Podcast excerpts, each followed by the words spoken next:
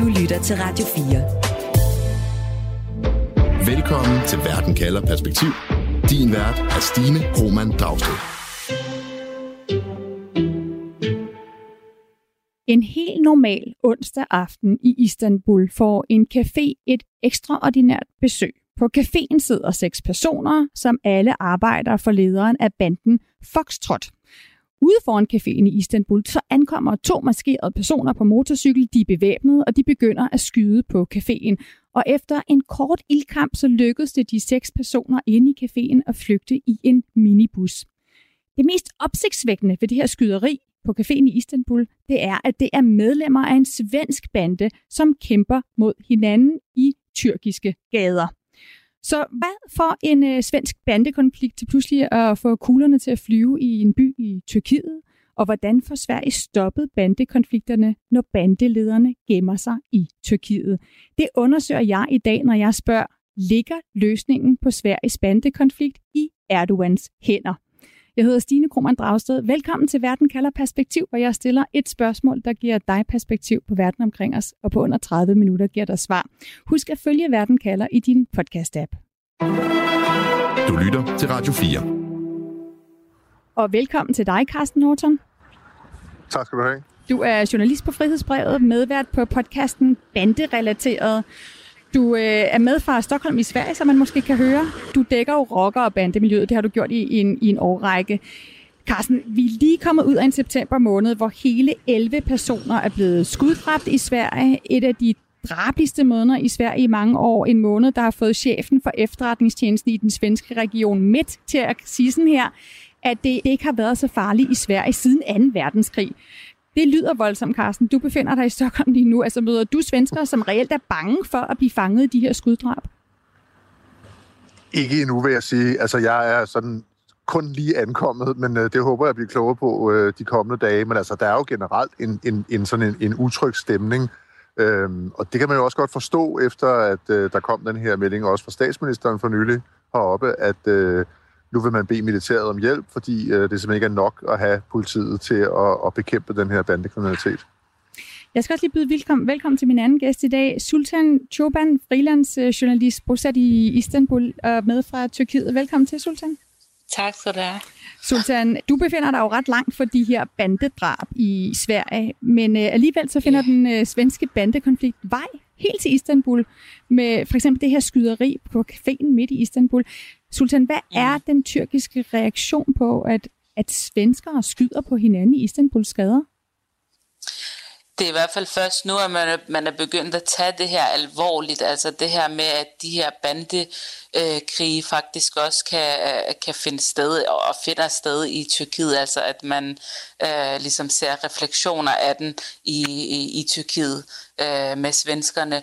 Øh, men sådan rent øh, mediedækningsmæssigt er det ikke noget, der fylder særlig meget. Det er sådan nogle små medier, øh, som har gravet i den her sag. Øh, og så er det i, i virkeligheden mine svenske kollegaer her, som har haft rigtig, rigtig travlt med at dække den her sag fra en øh, tyrkisk vinkel. Netop fordi, at øh, lederen øh, sidder her, altså øh, opholder sig i Tyrkiet, øh, hvis nok i Istanbul. Karsten, det er jo den svenske bande Foxtrot, som jeg forstår, det er jo det svenske politi, der har givet den, øh, det her navn, som de tyrkiske myndigheder siger er involveret i det her skyderi i Istanbul, hvor, hvor Sultan befinder sig. Du har fulgt den her bande, du har fulgt bandens leder, som også befinder sig i Tyrkiet, og som bliver kaldt den kurdiske rev. Hvor magtfuld en bandeleder er han? Jamen, han øh, har historisk været særdeles magtfuld, øh, og han har ligesom haft, hvad skal man sige, en opadgående kurve lige siden han var sådan at 19 år gammel. Øh, det er hans gruppe, der øh, har været den ene af de to øh, hovedaktører i den øh, konflikt, der i, i en årrække har været om øh, især kokainmarkedet i Stockholm.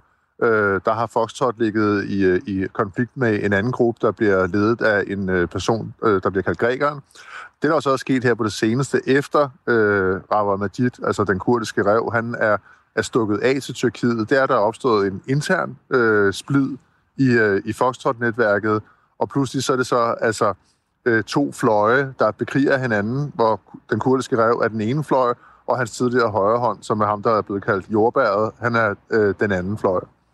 Og han er så i øvrigt også stukket af, så vidt jeg ved, også til Tyrkiet.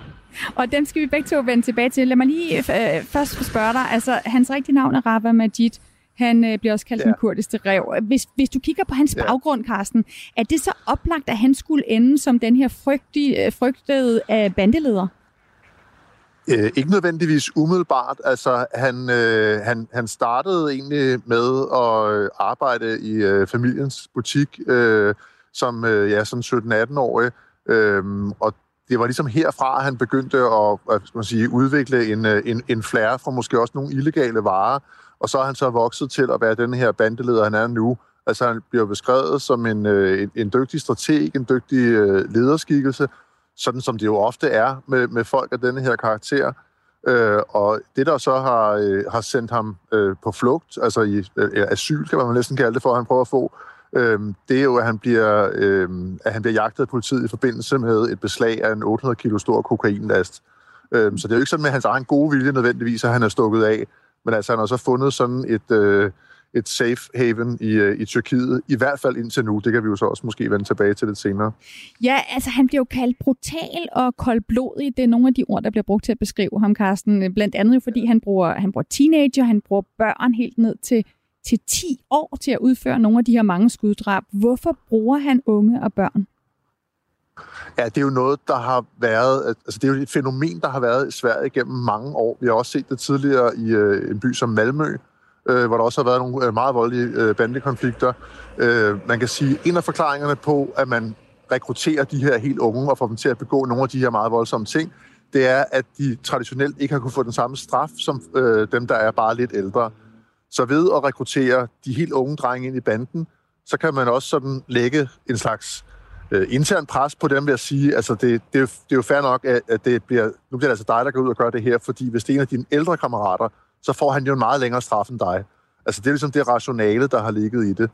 Øhm, det, som der så også er sket her på det seneste, som de svenske myndigheder jo øh, melder ud om, det er, at mange af de unge drenge også er begyndt selv at opsøge banderne. Altså de, øh, de ser jo, at, at nogle af de her bandefigurer, de har måske en, en livsstil, der virker attraktiv med mærkevarer, dyre uger, øh, dyre biler og alle de her ting. Man kender sådan statussymboler, og så virker deres liv måske også spændende. Så, så det handler altså også, det handler ikke kun om, at banderne rekrutterer de helt unge, det handler også om, at de helt unge, de frivilligt lader sig rekruttere til banderne.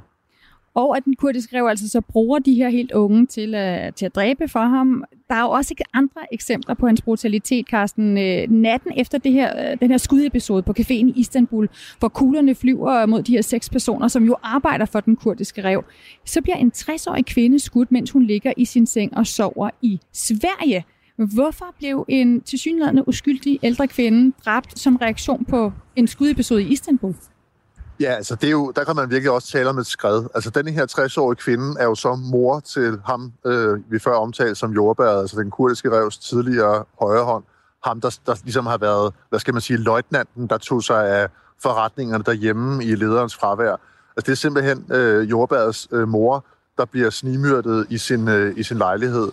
Og, øh, og det er også blevet udlagt til at have en meget stor symbolsk betydning. Altså øh, i det øh, kurdiske miljø, at man, at man simpelthen får, får dræbt moren øh, til øh, en af de her bandeaktører.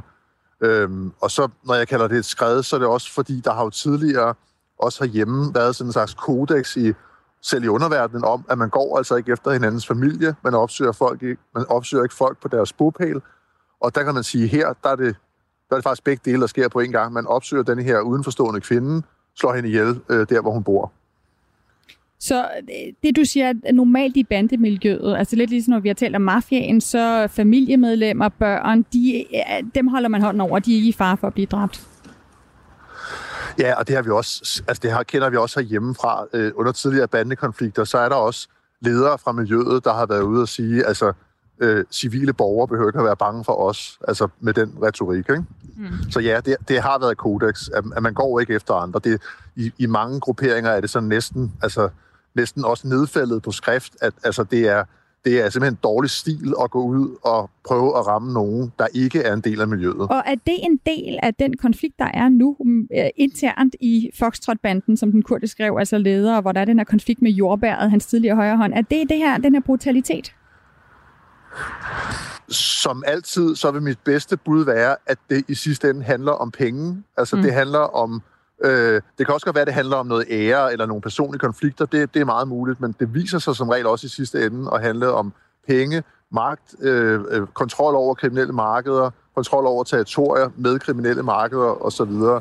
Øhm, og det vi så ser nu, det er, at man er altså villig til at skrue op for den der øh, hvad skal man sige, altså for, for, for volds, øh, altså volumen simpelthen. Altså man er villig til at gå til nogle nye ekstremer, man ikke har set før. Mm.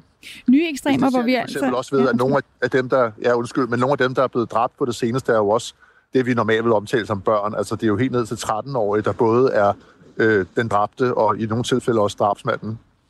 Så vi ser altså den kurdiske rev øh, som bandeleder, der bruger børn til at dræbe. De bliver selv øh, dræbt. Han bryder uskrevne regler om at slå rivalers familiemedlemmer ihjel.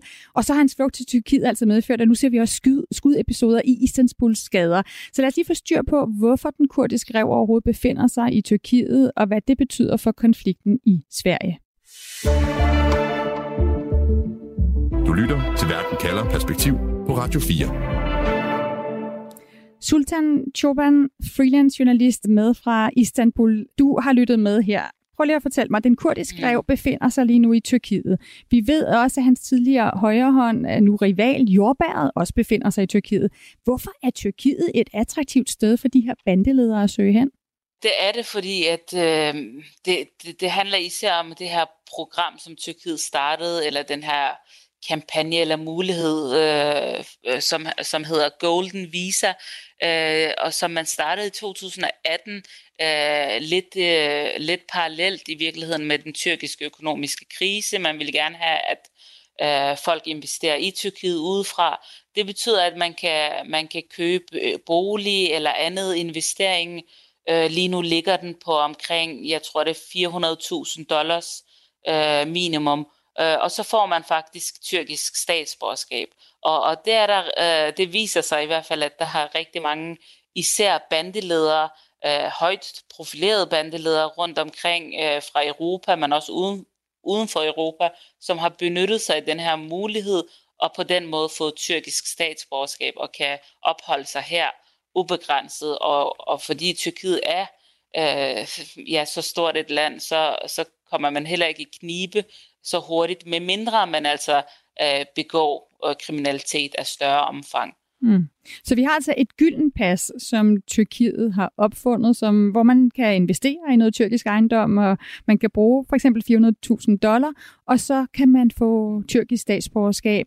Kan man så ikke blive udleveret, Sultan, til et andet land, når man er tyrkisk statsborger?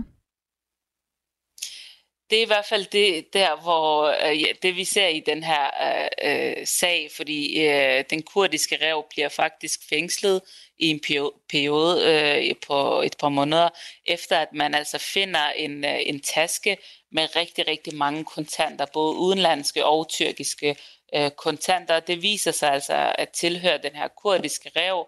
Man finder hans ID i den, og en konstruktionsarbejder afleverer øh, den her taske øh, hos den lokale politistation i Marmaris, altså i den her turistby i, i, i den tyrkiske sydkyst, sydvest. Øhm, og øh, efter det anholder man ham, men, men finder så ud af, at han har, øh, og, og man ved, at han er eftersøgt på det tidspunkt af, af både Interpol og Sverige, øh, men øh, man kan ikke, øh, Tyrkiet vil i hvert fald ikke udlevere ham på det her tidspunkt, fordi at han har tyrkisk pas også, og, og så gælder nogle andre regler altså. Øh, og så løslader han, man ham faktisk øh, nogle måneder efter, at han er blevet øh, øh anholdt til, til trods for, at han er, øh, højt øh, eftersøgt. Mm. Carsten, nu fortæller Sultan her, at øh, den kurdiske rev har været anholdt, at han har været eftersøgt af Interpol, altså den her internationale politiorganisation. Så der har været sådan en, det har du også fortalt, Red Notice, en international arrestordre på ham for hans kriminelle handlinger, også i forbindelse med øh, banden Foxtrot. Hvis man går ind på Interpols hjemmeside nu og søger efter den kurdiske rev, så kan man ikke finde ham. Du har et screenshot af, at han har været på Interpols hjemmeside. Hvorfor tror du, at den kurdiske rev pludselig er forsvundet fra Interpols hjemmeside over eftersøgte?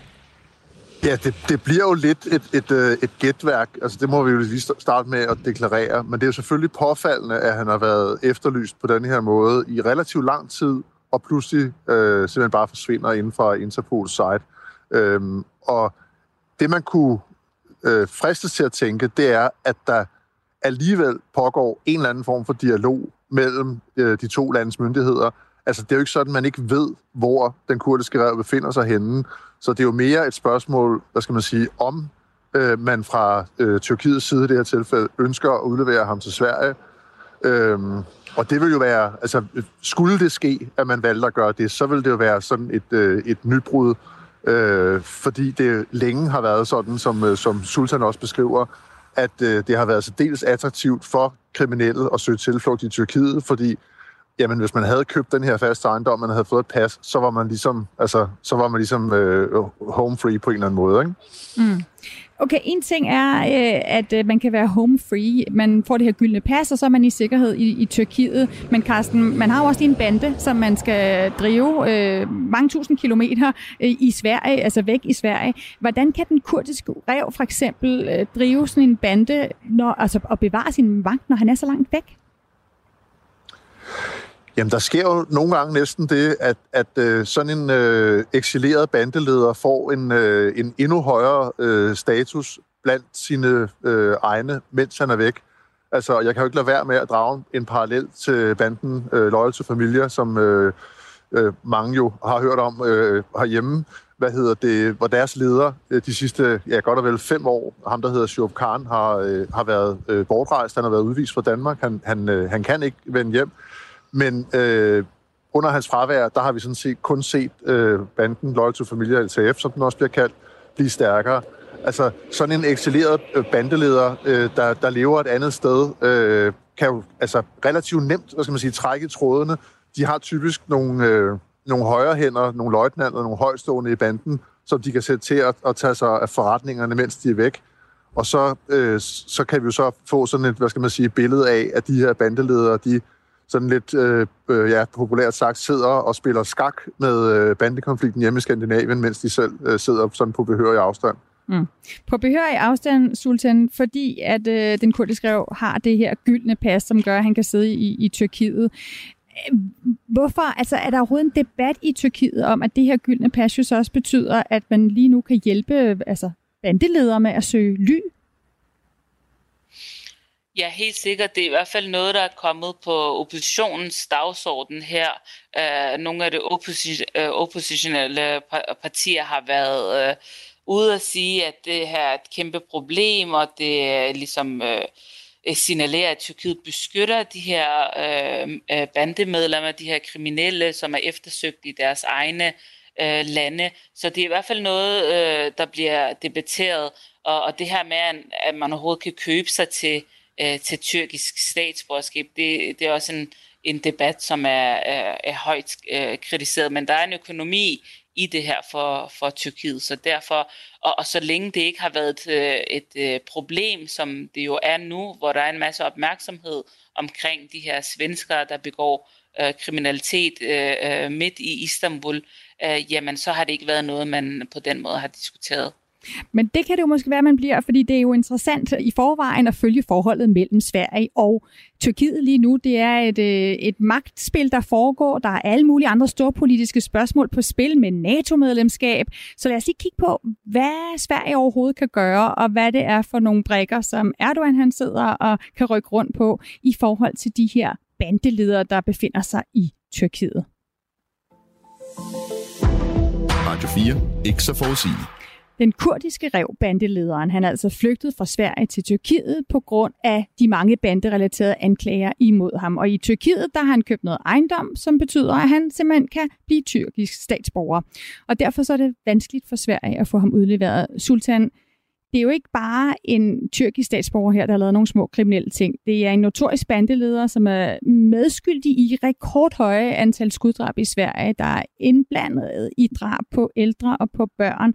Og så har han jo så også taget vold med sig til Tyrkiet. Vi har set de her skudvekslinger på caféen i, i Istanbul.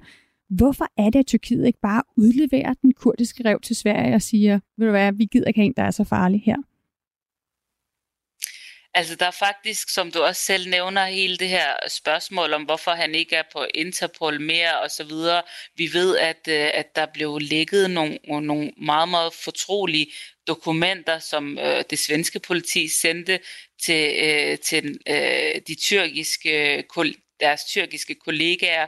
Det blev lækket til øh, banden, øh, øh, så der er sådan spekulationer omkring, om der faktisk er nogle øh, højstående, højstående inden for øh, politikorpset her i Tyrkiet, som beskytter den kurdiske rev. Øh, og det er klart, det er ikke... Øh, det er ikke et godt signal udad til øh, for Tyrkiet, at man, øh, man, man har alle de her øh, kriminelle i Tyrkiet, der frit kan, kan færdes her. Men man kan sige, at det er selvfølgelig nogle... En ting er, at det, det er nogle andre spilleregler, der kommer, ja, der træder i kraft, når man altså har tyrkisk statsborgerskab. Uh, det er ligesom det ene. Det andet er et økonomisk spørgsmål. Og så kan man sige, at ja, der, ja, man kan forestille sig, at der måske kan, ja, det bliver mere politisk, altså hvis Tyrkiet begynder at udlevere øh, de her mennesker til, øh, øh de her personer til Sverige, øh, jeg kan forestille mig, at øh, øh, Tyrkiet så også vil have noget igen, i hvert fald i, i lyset af hele den her NATO-situation, øh, øh, som Tyrkiet mm. har med, med Sverige i lang tid nu. Ja, og en ting, som Sverige jo så kunne give igen, eller overveje at give igen, som vi ved, Erdogan gerne vil have, det er jo, at han vil gerne have udleveret nogle øh, tilhængere af det, der hedder PKK, altså det kurdiske arbejderparti, der kæmper for en kurdisk frigørelse fra Tyrkiet. Øh, hvorfor er det, at øh, Sverige ikke bare giver nogle af de her PKK-tilhængere til Tyrkiet, og så siger de, så skal vi have den øh, kurdiske rev øh, til gengæld? Ved vi noget om det, Sultan? Det er meget på, jeg vil sige, det er meget på spekulationsniveau, men det er i hvert fald en, en, en diskussion, øh, som, øh, som vi hører meget om, øh, også her i, i, i Istanbul. Men, øh, øh, men altså, Sverige, der, der vil jeg sige, at Sverige har nogle øh, lidt, øh, lidt stærkere øh, principper og måske øh, værdier omkring menneskerettigheder. Sverige kan ikke udlevere de her øh, personer til øh, Tyrkiet, fordi de ikke øh, kan sikre, at de bliver er fængslet eller tortureret eller andet. Øh, så på den måde er det, en, det, det, det bliver i hvert fald en svær udveksling. Jeg tror for Tyrkiet øh, er det sikkert nemmere at udlevere de her personer, så længe de har uh, andet statsborgerskab end uh, det tyrkiske. Det, man måske kan, uh, kan fælde den kurdiske rev på, det er, at han efter sine har falsk, uh, falsk ID, altså han, altså han har fået sit tyrkiske statsborgerskab på falsk grundlag, og ikke med det navn, han bruger i, i Sverige. Så der kan måske komme noget uh, fra den front, forestiller jeg mig. Carsten Norton, når du følger bandekriminalitet og følger øh, banden Foxtrot her, den kurdiske rev, så får det der simpelthen også hele vejen til sådan noget øh, storpolitiske spørgsmål som øh, NATO-medlemskab og hvordan Erdogan og Sverige sidder og forhandler med hinanden. Altså er det, er det nogle af de spørgsmål, du også sidder og kigger på for at finde ud af, hvad sådan sker der med den kurdiske rev? Ja, det er jo helt oplagt, og det er jo i øvrigt også noget, som er, er direkte øh, relaterbart til, til det, vi kender øh, fra Danmark. Altså, øh, der, altså dansk politi øh, ved også, at der sidder øh, adskillige øh, efterlyste personer altså med dansk statsborgerskab i Tyrkiet, og der møder man jo nogle af de samme øh, problemstillinger, som, øh, som, som Sultan beskriver her. Altså, at man ikke bare udveksler sådan øh, fra det ene øjeblik til det andet, fordi hvis Tyrkiet skal sende noget den ene vej, så forventer man måske netop også, at der kommer et eller andet den anden vej. Mm. Og det synes jeg bare er interessant, ikke? fordi når vi taler bandekriminalitet, som vi gør meget i Danmark og i Sverige, så øh, har vi jo meget talt om, hvad kan politiet gøre, hvad gør man med straffe, hvad gør man i forhold til en social indsats, øh, hvad gør man med militær på gaderne. Og det, vi taler om her, det er jo faktisk, at man også kunne, kunne tale storpolitik. Og hvad er det for nogle lande, der faktisk sidder og holder hånden over de her bandeledere? Hvor stor en rolle spiller det, Carsten? Altså, jeg skal lige forstå spørgsmålet rigtigt. Altså, hvor stor en rolle spiller øh, det, det politiske i, her, i, det ja, her? Ja, i at løse en, en bandekonflikt i, i, i Sverige. Altså, vil det have nogen betydning, og, og man for eksempel kan få udleveret øh, en, en bandeleder som den kurdiske rev? Jamen, det vil jo helt klart have en kolossal stor symbolsk betydning. Altså, også for de svenske myndigheder, at man siger, nu får vi ligesom sat en stopper for, for det her på en eller anden måde. Ikke? Men det er jo ikke sådan, altså vi har jo ikke set nogen steder i verden, nogensinde nærmest, at man får stoppet den organiserede kriminalitet Altså, øhm, det som jeg, øh, hvad skal man sige, jeg ynder ofte at sige, altså bandernes eksistensberettigelse eller eksistensgrundlag er jo ikke konflikten, men, men øh, deres økonomi. Altså, banderne lever jo ikke af konflikt. De lever af kontrol over kriminelle markeder. De øh, lever af, af import af ulovlige stoffer, som de så sælger videre med, med kæmpe store fortjeneste. Så der er jo simpelthen så kolossalt store summer på spil i det her, så man er villig til at gå så langt, som vi ser lige for øjeblikket. Og man er så også villig til at gå ekstremt langt, altså netop at forlade sit hjemland, flytte til den modsatte ende af kontinentet, alene for at kunne drive sin forretning videre. Så det handler om børn, der skyder og også selv bliver dræbt. Det handler om en masse skuddrab i, i Sverige, men det handler, som du siger, i virkeligheden også om cool cash, det handler om økonomi, og så handler hele det her spil, for eksempel om den kurdiske rev, bandelederen, om en del af et stort politisk spil mellem Sverige og Tyrkiet. Vi er nået til en konklusion. Du lytter til Radio 4. Og du lytter til Verden kalder, hvor jeg i dag spørger, ligger løsningen på Sveriges bandekonflikt i Erdogans hænder? Sultan Choban, hvad er dit svar på det spørgsmål? Uh, det kan det i hvert fald, hvis, uh, hvis han har en interesse i uh, at få en bedre dialog med, med Sverige. Men jeg tror også, at, at så længe der ikke foregår stor kriminalitet i, i Tyrkiet uh, af de her mænd, uh, så tror jeg, at det bliver svært uh, at få Tyrkiet at udlevere dem. At have et grundlag at udlevere dem på. Kan det her blive en brik i hele spillet, om Sverige kan blive NATO-medlem? Det kan det ikke, om det kan ikke sådan øh, det store billede, men det kan helt sikkert øh, øh, have trådet til, øh, hvor, hvor langsomt eller hvor hurtigt øh, øh, Sveriges medlemskab øh, kan komme. Mm. Carsten Norton, ligger løsningen på Sveriges bandekonflikt i Erdogans hænder? Øh, der ligger i hvert fald muligheden for en rigtig god begyndelse, sådan tror jeg, jeg vil sige det. Fordi jeg, jeg tror ikke på, at uanset hvad der sker med den kurdiske rev, at, at det sådan isoleret set bliver løsningen på det svenske bandeproblem. Så der er ikke noget let svar på, hvad der skal til for at stoppe dødsspiralen i Sverige. Det handler ikke alene om at for eksempel at tvinge Erdogan til at få udleveret nogle bandeledere. Øh, det tror jeg ikke isoleret set, det er, men, jeg, men som sagt, jeg tror, det vil være en rigtig god begyndelse, og det vil også kunne være løftestang for, at man vil kunne se andre lignende bandeledere blive udleveret, også til andre lande, som eksempelvis Danmark. Øh, altså, at, at Tyrkiet vil holde op med at være sådan et, et trygt helle for de her øh, undløbende ja, store kriminelle. Lige til sidst, øh, Carsten, når du nu er i Stockholm og, og i Sverige, er der så nogle øh, svenske politikere eller andre, du skal tale med om, om de taler med, med tyrkerne? Jamen, det håber jeg da. Altså, nu skal jeg til meget specifikt til en uh, anti-voldskonference uh, mm. ude i Rinkeby, som jo er en af de forsteder, hvor der har været mange af de her konflikter. Uh, det er der på lørdag, og det er sådan set uh, ret spændt på at se dels, hvordan uh, stemningen er der, og ja, så, hvad skal man sige, hvad for nogle uh, emner der er, der bliver taget op. Tusind tak for at være med fra Sverige, Carsten. Selv tak. Altså Carsten Norton, journalist på Frihedsbrevet og medvært på podcasten Banderelateret. Også uh, tusind tak til dig, Sultan. Selv tak. Altså Sultan Choban, freelance journalist bosat i Istanbul, i med fra Tyrkiet. Programmet her var tilrettelagt af Frederik Lyne og af mig, Stine Krohmann Dragsted. Camilla Høj Eggers er redaktør. Og husk, uanset hvad der sker, så kan du få svar på et afgørende spørgsmål lige her i Verden kalder med mig, Stine Krohmann Dragsted. Det er mandag og torsdag, at jeg sender live, men du kan altid lytte til Verden kalder som podcast lige når du vil. Og hvis du trykker følg, så kan du få leveret de seneste episoder lige til dig.